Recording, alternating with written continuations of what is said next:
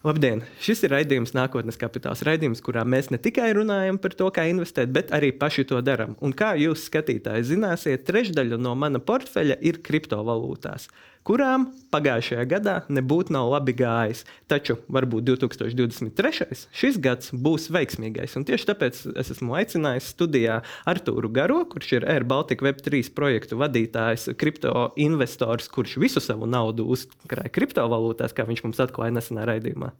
Labdien! Un Kristaps Mors, uzņēmējs un finanšu blogeris. Sveiks! Jā, nu, tā tad, kungi, es gribētu jums arī pavaicāt, kas tad jūsuprāt ir bijuši lielākie, nu, droši vien sliktākie 2022. gada notikumi kriptovalūtu pasaulē? Uh, manā galvā pirmais lielais sliktais ir Terra Luna sabrukums un uh, vadītājs Dokvans, kurš šobrīd bēguļo no Interpola un laikam slēpjas kaut kur Serbijā. Tā vismaz runā. Uh, vai tas arī jūsu atmiņās ir tas pirmais, kas sāk iezīmēt kriptovalūtu? Slīdēšanu uz leju, vai ja es tā no malas vēroju, esmu kaut ko palaidis garām. Ar to varbūt jūs. Um, jā, nu, tur ir vairākas teiksim, tādas lielas, no, liela notikuma arī, par ko uh, ir runāts. Bet uh, es domāju, uh, tas noteikti nebija pats pirmais, kas vispār sāka šo tirgu kustināt. Jo nu, jāsaprot arī to, ka kripto tirgus arī balstīts uz vispārējo finansiālo ekonomiju. Ja? Un, uh, protams, tieši pašā kripto pasaulē jā, ļoti, ļoti liels pavērsiens arī varētu teikt, kas sāka visu šo sniega uh, milzīgo bumbu vest lejā no kalna.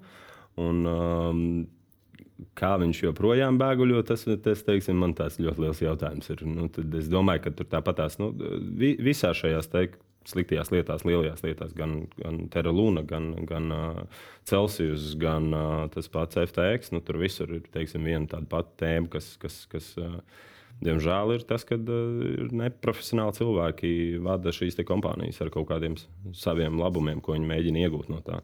Kas, nu, acīm redzami, nav, lai cilvēki adaptētos šai te tehnoloģijai un izmantotu viņu saviem labumiem. Mhm. Kristofers? Es domāju, ka neprofesionāli būtu tā ļoti maigi teikt, jo nu, tur lielākā daļa ir. Nu, vienkārši ponzijas schēmas un krāpniecība. Un, un, un tas ir tas, kas, kas dominē un, un kāpēc visas šīs schēmas kaut kādā brīdī sabrūk. Un, nu, tad jā, sākās ar Terra Luna, pēc tam tur aizgāja Celsius, BlockFi, Voyager, Di Digital. Gemini, Ern, tur bija vesela čūpa ar, ar, ar visādām kompānijām, bet uh, varētu teikt, ka, ka liela daļa jā, no viņiem bija vai nu krāpnieciski exchange, eh, kas, eh, kuros cilvēki ieskaitīja naudu, un, eh, un tā nauda tika izmantota kaut kam citam. Vai arī dažādi landing servisi, kuri, kuri solīja peļņu, ieskaiti mums savu bitkoinu vai ethereum un, un dabū kaut kādus labus procentus no tā. Un, un neviens no šiem servisiem nepaskaidroja, kā tas yields tiek ģenerēts, kā, kā tā peļņa veidojās un kādi riski tur, tur eh, parādās. Un tad tikai tad, kad sāk eksplodēt eh, un kaut kas aiziet eh, greizi, tad viens pēc otra nokrīt. Un es domāju, ka tas process vēl nav beidzies. Arī 23. gadā mēs redzēsim vēl vairākus servisus, kas droši vien aizvērsies līdzīgā veidā.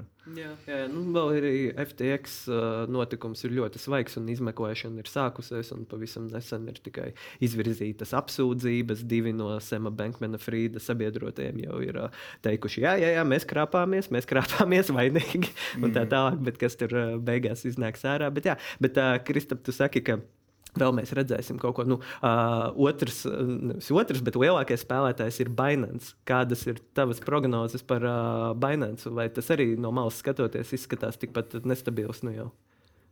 Nu, acīm redzot, viņš nav tik nestabils. Viņš vēl eksistē un cilvēki vēl var ieskaitīt un izņemt ārā naudu.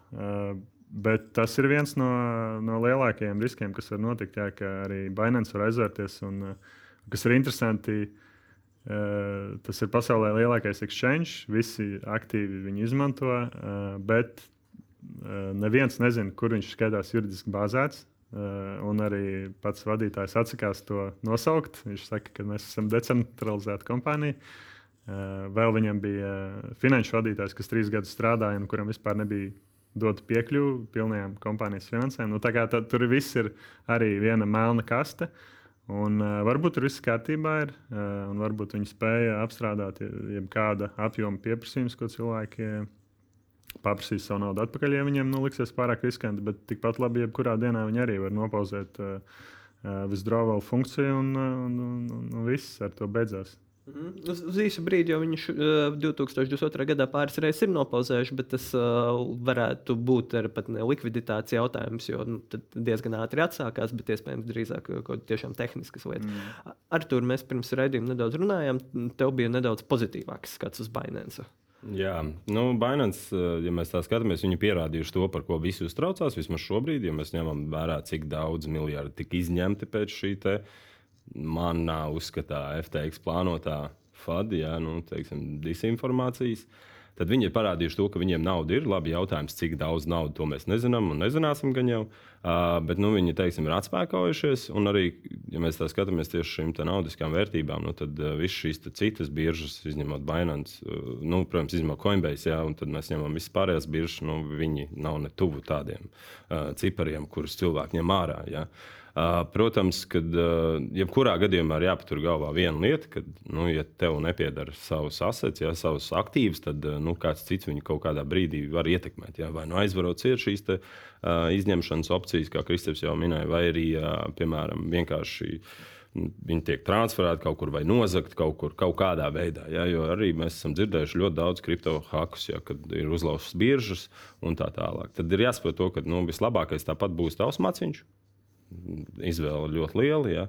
Uh, bet nu, uh, šeit ir vairāk tā problēma, kāpēc Bainansam ir tik daudz useru. Nu, lietotāji ir tas, ka uh, nu, viņi ir vienkārši izmantojami. Ja mēs skatāmies uz maciņiem, kas ir vienkārši pašu savu maciņu, kur tu pats veido šīs transakcijas, nu, tad tur ir sarežģīti. Pirmkārt, pirkšana monētu, pārsūtīšana. Um, šīs pašas nodevas par pārsūtīšanām, transakcijām, ja, tad tur šeit rodas jau tas vairāk, ka nu, viņš nav teiksim, tik vienkāršs parastajiem lietotājiem izmantot, un tāpēc cilvēki izvēlās šīs biržas. Ja.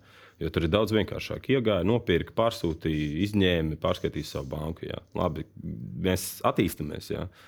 bet nu, tāpatās, protams, par Bainants nu, viņš var aiziet, viņš var neaiziet. Bet es tāpat uzskatu, ka Bainants jau šobrīd ir devis ļoti lielu plusu kripto pasaulē. Tieši adaptācijas līmenī, mēs paskatāmies, cik viņiem ir lietotāji pār 120 miljoniem. Jā, nu, tas ir wow! Uh, un, un, protams, jā, pašā beigās tāpat turēt galvenais savus lielos aktīvus, kurus nu, tu plāno turēt 10, 15, 20, 30, vienalga cik gadus, tad to ir jātur savās maciņos, lai, ir, lai pats būtu atbildīgs par to, kas notiek. Un neviena birža nevarētu teiksim, ietekmēt tavus finansiālo stāvokli.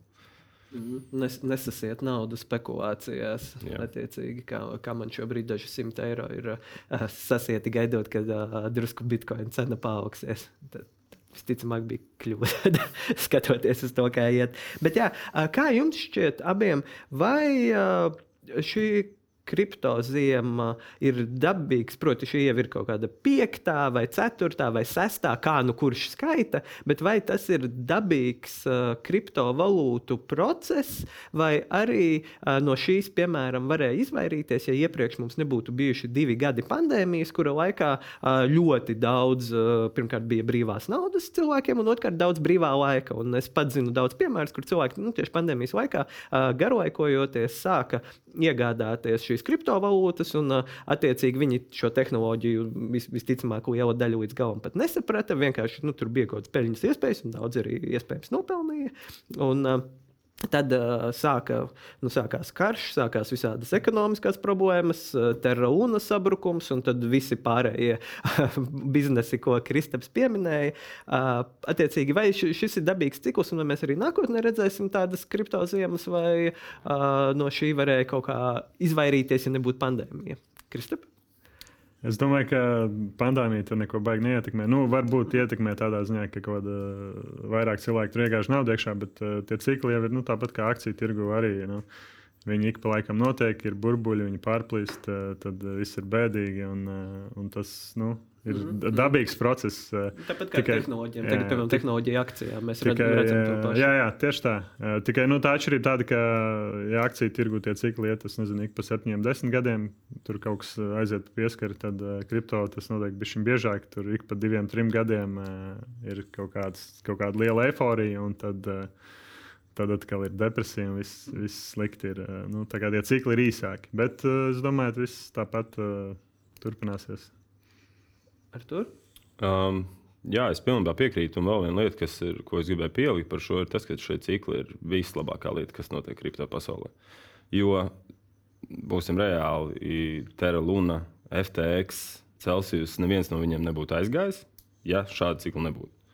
Jo nu, burbulis uzsprāgst tajā brīdī, kad tu vairāk nespēji pelnīt naudu no tirgus. Jā, jo viss, ko viņi dara, viņi manipulē un liek savus treidus, lai nopelnītu šo kaut kādu procentu, ko viņi sniedz cilvēkiem. Un, ja mums nenotiek lejupslīde, kas ir dabiski kripto pasaulē, nu, un, protams, arī kaut cik arī manipulēti, tad šie projekti vēl būtu divus, trīs, četrus, piecus, varbūt desmit gadus. Jā. Un kas tad būtu par jautājumu?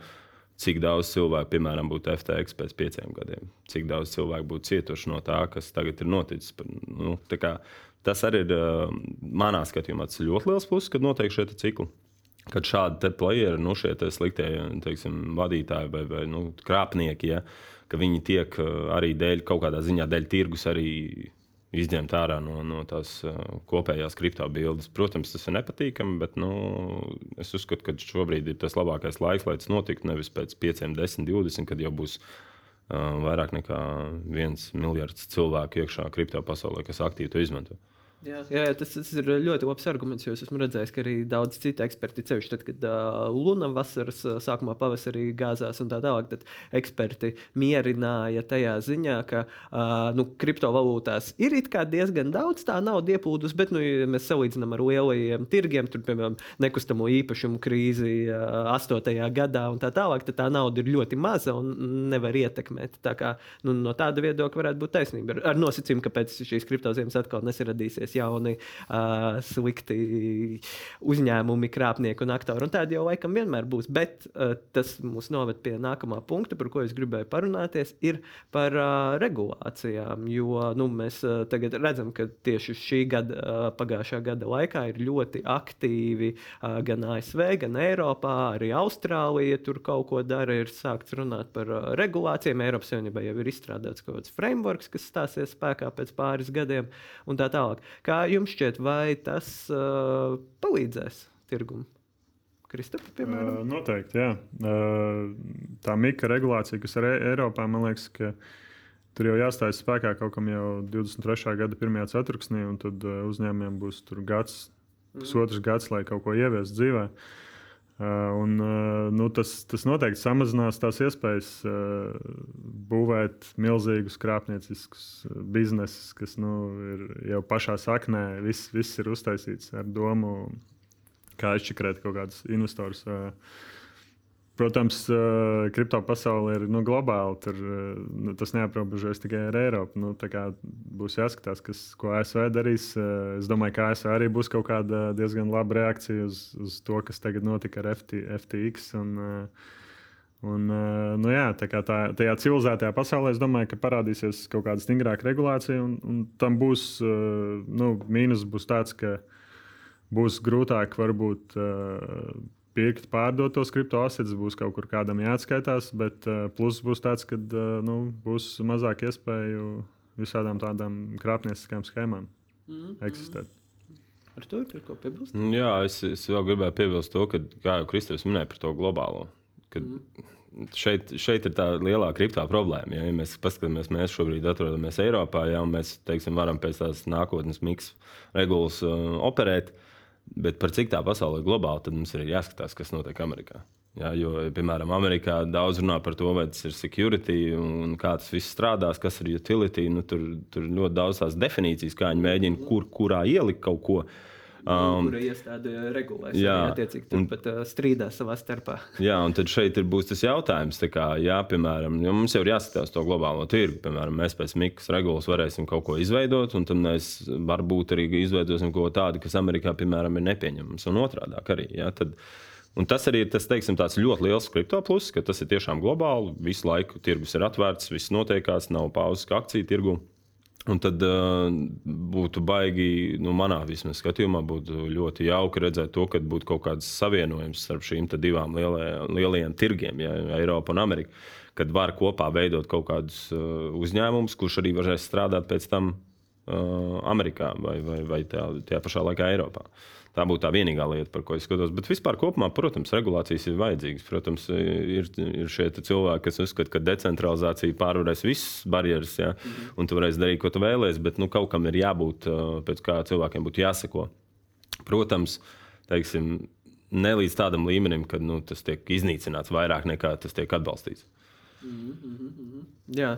Jā, jau nu, arī jau pieminētā Binance un uh, skatītājiem varu pateikt, ka jūs varat uh, nākotnes kapitāls jau vai pameklēt uh, interviju ar uh, Eiropas Binance vadītāju, kurš arī par šo regulāciju runāja. Un, uh, nu, viņi uh, Eiropas kontekstā minēja, ka uh, labā lieta būs, ka, nu, jā, ka tiek veidots uh, principā vienotais kriptovalūtas tirgus, kas uh, savā ziņā atvieglo birokrātiju. Kā, nu, teiksim, tas ir tāds pozitīvs aspekts, protams, bet nu, jā, uh, decentralizācija ar katru katru šo soli zūd. Lai gan mēs droši vien, eh, es nezinu, vai jūs man piekritīsiet, bet mēs principā šogad skatoties uz uh, to, kā kriptovalūtas iet paralēli faktiski akciju tirgiem un tā tālāk, uh, varam jau teikt, ka principā tā decentralizācija ir uz papīra faktiski, jo nu, liela nauda kontrolē to un liela nauda reaģē uz uh, to, kas notiek akciju pasaulē. Bet varbūt jūs man nepiekrītat. Nē, es nepiekrītu. Uh, Bitcoins kā sistēma darbojās neatkarīgi no, no tā, ko ko kāds kaut kur runā, domā, vai kāds likums pieņem. Attiecīgi, varētu Eiropā un ASV visi paziņot, ka bitkoins ir nelegāls, tu nedrīkst neko darīt ar viņu. Tāpat tā sistēma darbotos. Un tu varētu tāpat aizskaitīt jebkuram cilvēkam pasaulē bitkoinu, saņemt, neviens nevarētu nocenzēt to transakciju. Cits jautājums ir piemēram par Ethereum, kas ir otrā lielākā kriptovalūta. Tur jau šobrīd parādās šīs nu, tādas centralizācijas vai cenzūras problēmas. Mm -hmm. Lielākais valets, kas ir Ethereum, ir Metamask. Tā ir arī ASV principā, kompānija. Uh, un, uh, viņi jau paspēja nobloķēt uh, Venecijā, Irā, Irānā cilvēkus, kad nu, tu nedrīkst veikt transakcijas. Tagad parādījās vēl tā cenzēšana, kur, kur ASV pateica, ka viņiem nepatīk. Uh, ka miksē Ethereum un, un nu, tādā veidā mēģinot iegūt kaut kādu privacy vai, vai paslēpt to izcelsmi. Un, un tad, jā, un, un, un visbeidzot, tas, tas pats Metamask, kas ir, kur, ko lieto 23 miljonu cilvēku, vēl nesen tur bija uztaisījuši kaut kādu update, kur viņi sāka glabāt lietotāju IP adreses un piesaistīt viņus pie wallet adresēm.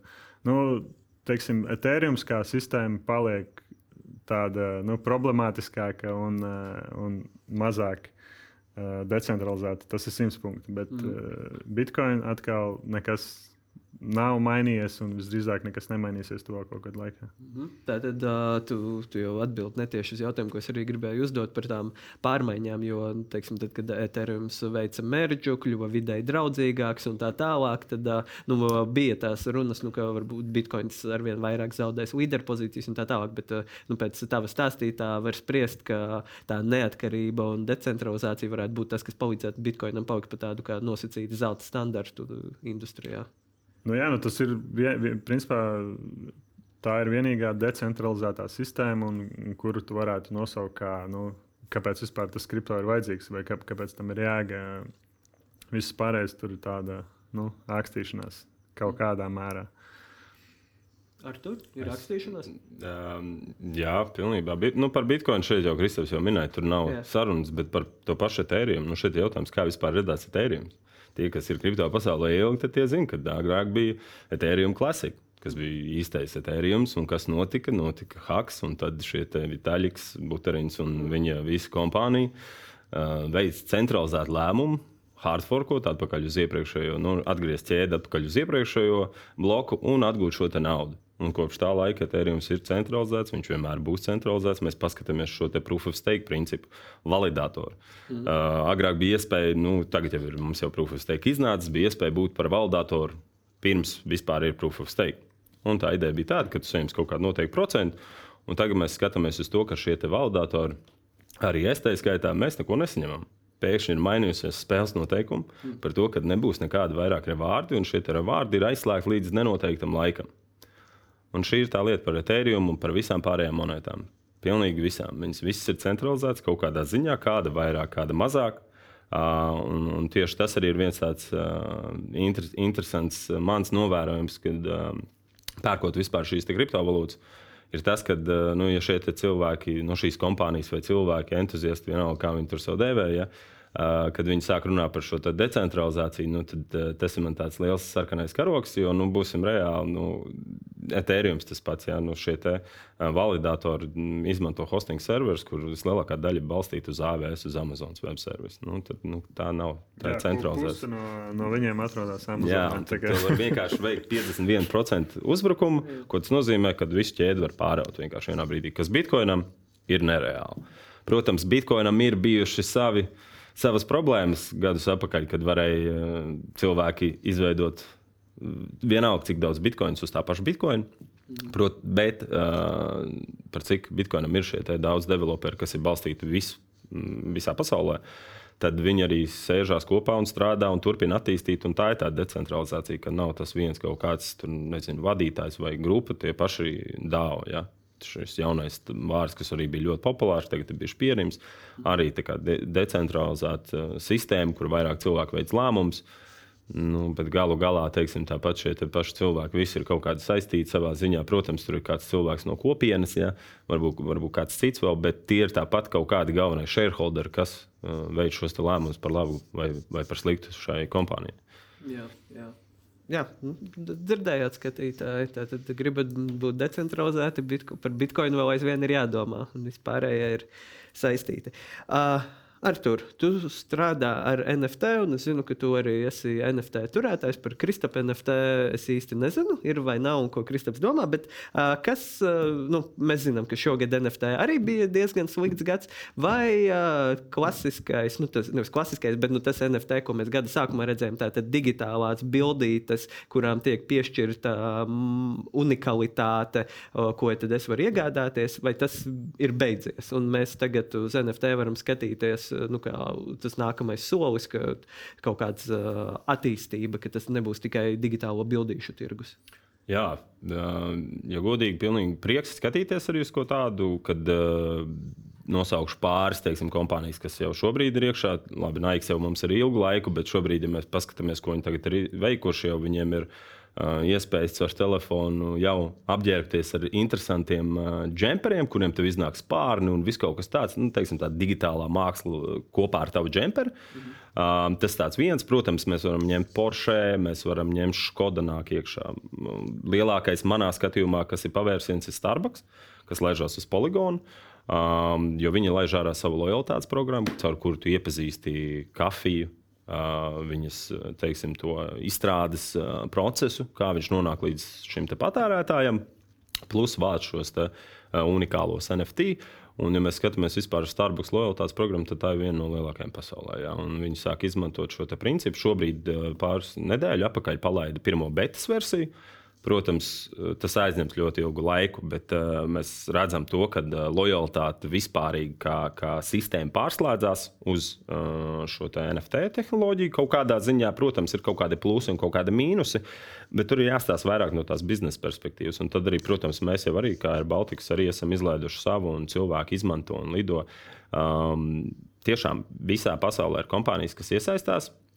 Un, uh, agrāk, ja mēs skatāmies, bija, tas bija konceptuāls līmenis. Kur oh, būtu forši, varbūt kaut ko mēs varētu izlaist, to pašu bildīti vai kalendāru, kā NFT, kas būtu tiešām nu, kā bilde bez kaut kāda pielietojuma.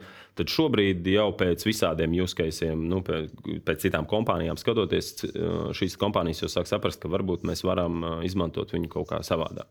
Un tad arī nāk iekšā. Tiešām visi pasaules lielākie brendi ir iekšā. McDonald's pat ir iekšā. Tā kā, uh, Visi darbojas un visi redz kaut kādu, kaut kādu mērķi. Protams, jautājums, vai tas izdosies vai nē, to mēs redzēsim. Uh, bet, nu, ja mēs skatāmies uz to, kas nāk iekšā un ko viņi dara, tad uh, kompānijas ir nopietni noskaņotas uz, uz uh, NFT pasauli. Kristap, ko tu domā par vispār NFT? Un, Uh, nu, klasiski jau sākumā cilvēki visi ar NFT saprata, jā, tāda JPG bildītas tur ar pērtiķiem vai, vai kaut ko tādu. Un par, par to es biju super skeptisks. Es nekad neesmu nevienu tādu bildīti nopircis, jo beig beigās uh, tas, ko cilvēki nopērk, viņi pat no, nopērk savā ziņā linku vai kaut kādu mazu teksta gabaliņu kaut kur blokķēdē. Uh, jo tas links beigās ved uz kaut kādu serveri. Tas serveris var uh, noklāties, vai tur var nomainīt saturu. Tev liekas, ka tev ir bildīta pērtiķa pērtiķu bildīt, var nomainīt uh, serveru īpašnieks pret kaut ko citu, uh, pret kartupeli, piemēram. Un, uh, un tad, jā, nu, tur, tur ļoti daudz problēmas ar autortiesībām. Tu domā, ka tev pieder varbūt bildīt, bet īstenībā tev nekas nepieder. Ne tev, jo jebkurš var nomintot jebkādu bildi. Un, mm, un, jā, un, tā kā tur ir ļoti daudz problēmas, kāpēc tam nav vispār gan nekāda vērtība. Tā ir tīri nu, tāda gaisa tirgošana, kurš pārdos šo mazo teksta gabaliņu dārgāk kādam citam. Uh, bet, uh, jā, tad, tad ja, ja tam piesaista kaut ko īstu, nu, fizisks produkts vai, vai reku bonus punktus vai tādas šādas programmas izveido, uh, nu, tad tas jau liekas man, jā, nu, tur ir īsta vērtība, tur var būt nākotne tam visam. Un, Un, un ta, tur, tur varētu būt arī daudz plusu, jo, ja tev ir kaut kāda programma, kas, kur tu vari, kā, kā tu minēji, pieņemsim, ar Baltikas, tu tur kaut ko iegūst, kaut kādus punktus. Un, Un, ja tu to sasaisti ar, ar NFT, un pēc tam varbūt izmantot citā aviolīnijā vai vēl kaut kur citur, nu, tas viss ir digitāls. Nu, tas viss kļūst tāds mm. uh, labāk integrējams un, un, un labāk caurskatāms. Un, uh, Jā, nu, tu vari arī tur neku, tirgot savus eh, tos, tās bildītas, tās lojalitātes, kaut kādas bonusus. Eh, tas man liekas, jā, būs interesanti redzēt, kā, ar ko tas beigsies. Mm -hmm. nu, jā, bet nu, tā, tad, tā klasiskā spekulācija ar pērtiķu bildītēm ir beigusies. Tagad pērtiķu bildītēm ir jādod kaut kas vairāk. Es tā saprotu no jūsu abiem. Es, es pieļauju, ka nav beigusies. Nu, tur kaut kāds tirgus jau eksistē. Nu, nu, cilvēki, eksistē, bet, un, un iespējams, ka uh, iznāks nu, pēc tam, es nezinu, kas uh, būs atpakaļ. Uh. Ir jau joprojām. Tas nekur nepazudīs. Tas ir daļa no, no kriptā pasaules. Tas pats, kas uh, mēs skatāmies uz, uz, uz, uz tokeniem vai koiniem, nu, mm. teiksim, tie mīmīmi koini, ja, nu, viņi tāpat ir daļa no tās ekosistēmas. Uh, Tas ir tas, tāds, teiksim, viens no tiem spekulatīviem tūļiem, ko cilvēki var izmantot. Tieši tāpat arī ir eh, NFT pasaulē. Bet šeit vairāk ir jāpie, man liekas, ka ir jāskatās uz to, cik tieši daudz cilvēku saprot no, teiksim, no šīs legālās puses, ko jau minēju par autortiesībām. Ja? Jo viena lieta ir. Un tu aizgāji uz veikalu, ko nopirki. Otra lieta ir, ka tu pērci mākslas darbu un lasi šos terms and conditions, un kur arī ir rakstīts, kādas licences tev tiek dotas ar šo mākslas darbu, ja, piemēram. Vai arī um, kādas tev ir iespējas viņu tur, nezinu, pēc tam komercializēt vai izplatīt. Vai mēs, kā radītāji, piemēram, varam arī izplatīt tādu NFT. Tā tās ir tādas zināšanas, ko cilvēkiem jāiegūst, kas arī sarežģīti. Uh, bet šādos parastajos, teiksim, šajos PFP projektos, tajos pašos mērķos vai kaut ko tamlīdzīgu, nu, tas ir tas ir tāds biznesa modelis, kurš ir spekulatīvs, bet ļoti pelnošs, jo um, tas, tas princips tam, tam, tam vispār projektam ir tāds, ka tu vienkārši turpini laist ekstra kolekcijas, kurām nebūs nu, idejas, ka nav piesaistīta kaut kāda reāla vērtība.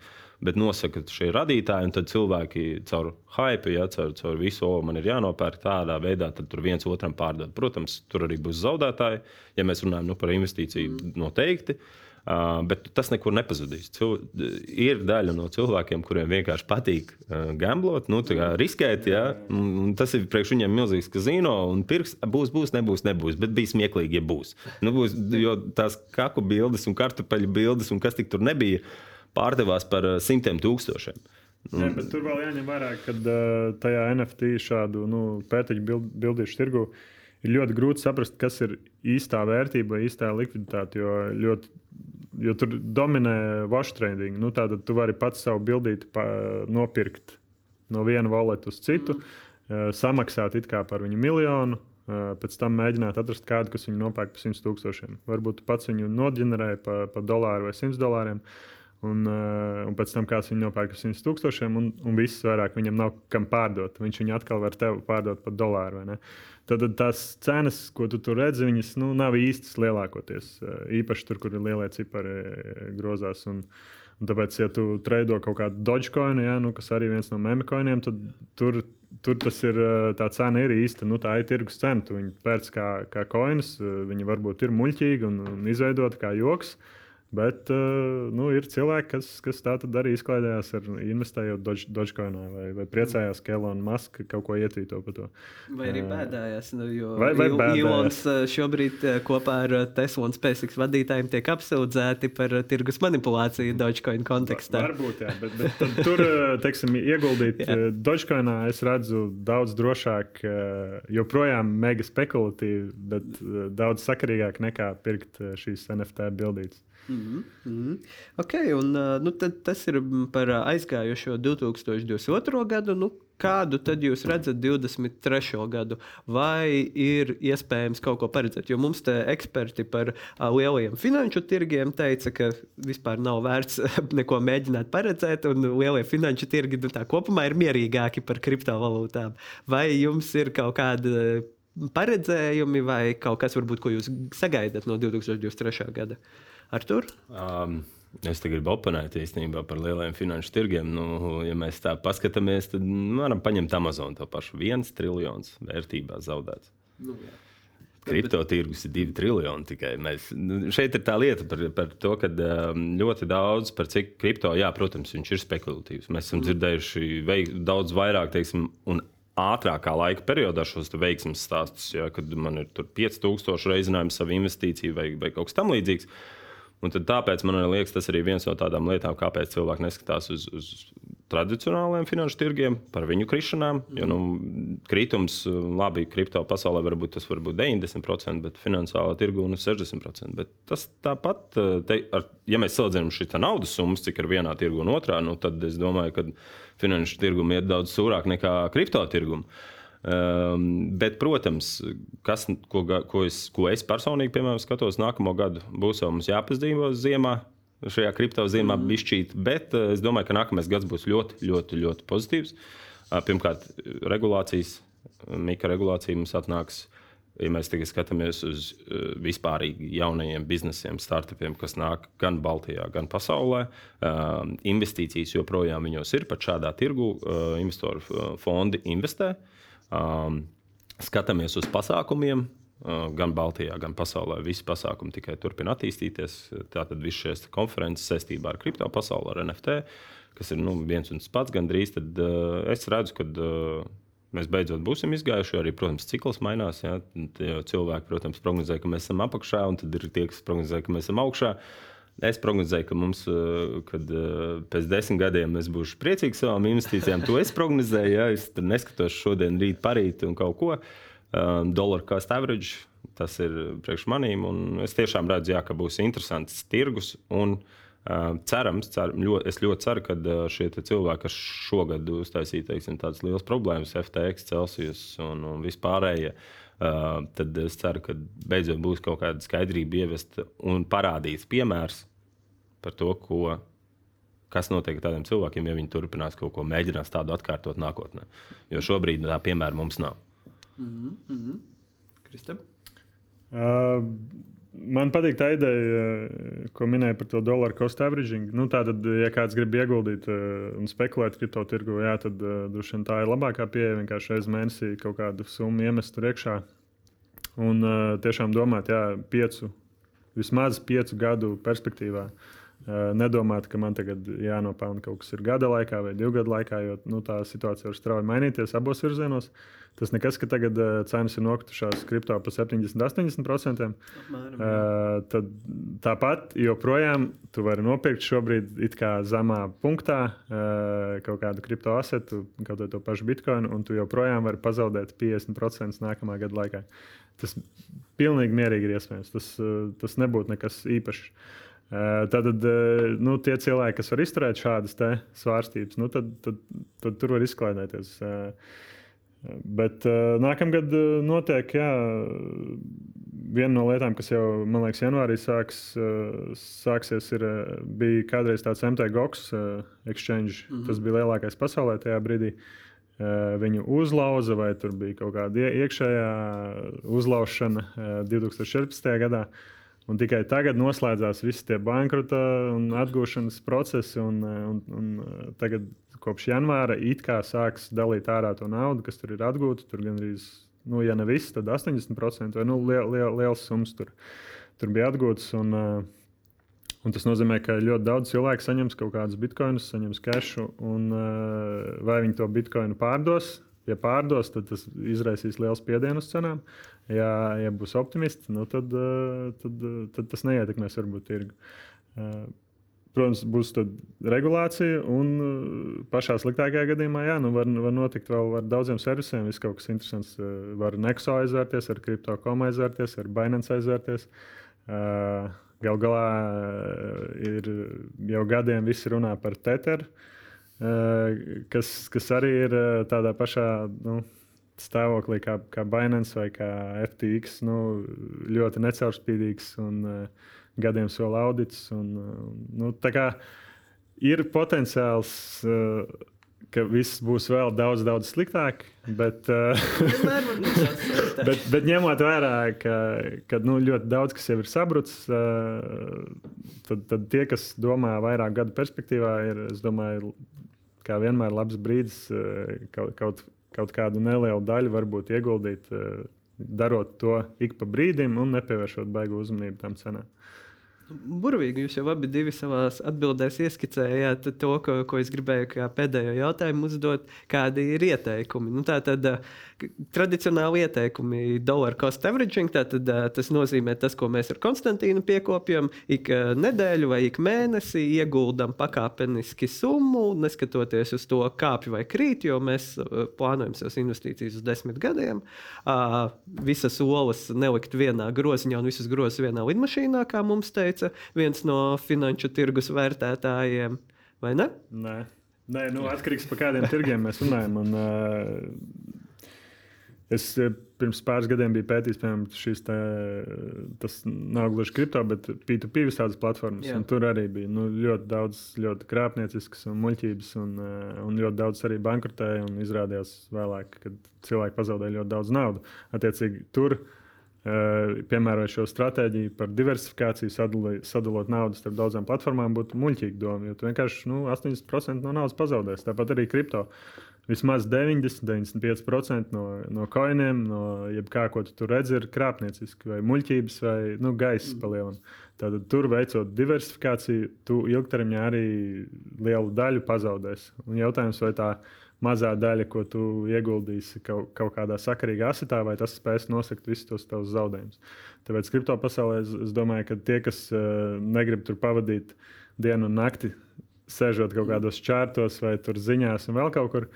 Uh, tad viņiem prātīgi būtu turēties tikai vai nu pie bitkoina, vai tur var būt bitkoina un etērijuma, bet nu, nelīst kaut kādās eksotiskās tur, uh, kriptovalūtās un tokenos, kas ļoti iespējams aizies uz nulli vai, vai tuvu tam. Mm -hmm.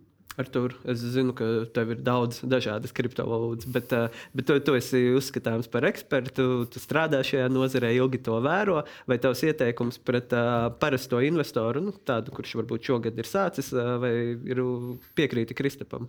Es, protams, ka piekrītu. Jā, šeit ir jāsaprot tas, pirmkārt, cik daudz. Pirmkārt, vislielākā lieta, kas cilvēkam man liekas, jāsaprot, investējot, ir tas, ka nu, tev ir jābūt gatavam, ka šī nauda vairāk tur nebūs. Nu, kā, tad tur nav jāiet tirgu ar ideju, ka nu, nākamgad es varēšu nopirkt labākas Ziemassvētku dāvanas. Ja? Nu, tā var būt, var notikt, bet būsim reāli.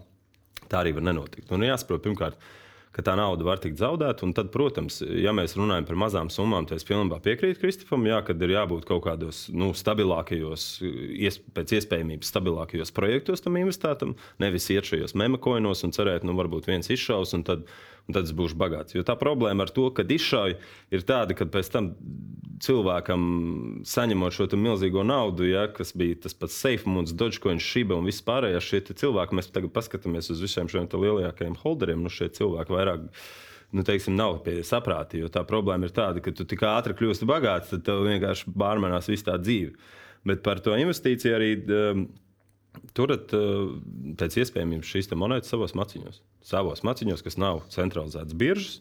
Uh, protams, biržu var izmantot, bet ja izmanto biržu, tad izmanto tikai tajā brīdī, kad tu vēlēsies veikt kaut kādas transakcijas vai kaut kādu darījumu. Pēc tam atkal šo, tas, šīs finanses, ko esat ieguldījis, liekam apakaļ uz saviem maciņiem. Prot, ja, protams, tur vēl ir joprojām daudz problēmas, kad visas savas teiksim, iecerētās monētas nevar turēt vienā maciņā, jo viņas vēl pagaidām nav atbalstītas vai kaut kas tamlīdzīgs. Bet, uh, jāsaprot, kā man gribētos teikt, ir jāsako līdzi tirgumam.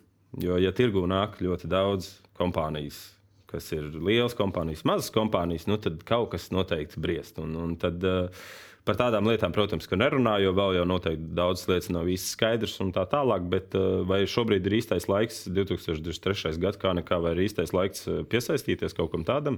Jā, manā skatījumā, jā, jo nu, vispārējā monetarizācijas sistēma pasaulē, kāda šobrīd ir, viņa manā skatījumā nevar eksistēt nākotnē, jo nu, vienkārši tas viss ir vēl lielāks burbulis nekā, nekā kripto pasaule. Nu, tas ir mans personiskais viedoklis. Jo nav pašam dolāram nav nekādas vērtības, tieši tāpat kā kripto pasaulē. Kā saka, o, nav tur nekādas vērtības. Dolāram arī nav, jo viņš jau sen ir noņemts no zelta. Jā. Tad ir jāskatās uz to. Es domāju, ka, ka šajā gadā ļoti daudz cilvēku sāks saprast to, ka jā, jāsāk pārņemt savas finanses. Respektīvi, jābūt atbildīgam par to, kas tev pieder. Vai tas ir tas, kas tev šobrīd stāv bankā, vai kaut kur citur, vai kaut kas tamlīdzīgs. Tu pats sāksi savu finanšu dzīvi, jo nu, tas tirgus ir kāds viņš ir manipulējams pārsvarā. Jā, tieši tas ir tas, ko mēs arī mūsu skatītājus ar uh, katru raidījumu aicinām. Domāt par savām finansēm, uh, rūpēties, domāt par savu nākotnes kapitālu. un, jā, un to mēs arī turpināsim darīt uh, 4. sezonā, jo šis ir 3. sezonas noslēdzošais raidījums. Teikšu paldies Artūram Garajam, Kristapam Moram. Un uh, uz tikšanos pēc pāris nedēļām ar jau jauniem raidījumiem, jauniem investoriem un jauniem stāstiem par uh, finanšu pasauli un par to, kā domāt uh, 10, 20 gadu laikā, kā domāt par savu pensiju, kā domāt par savu nākotni. Visu labu!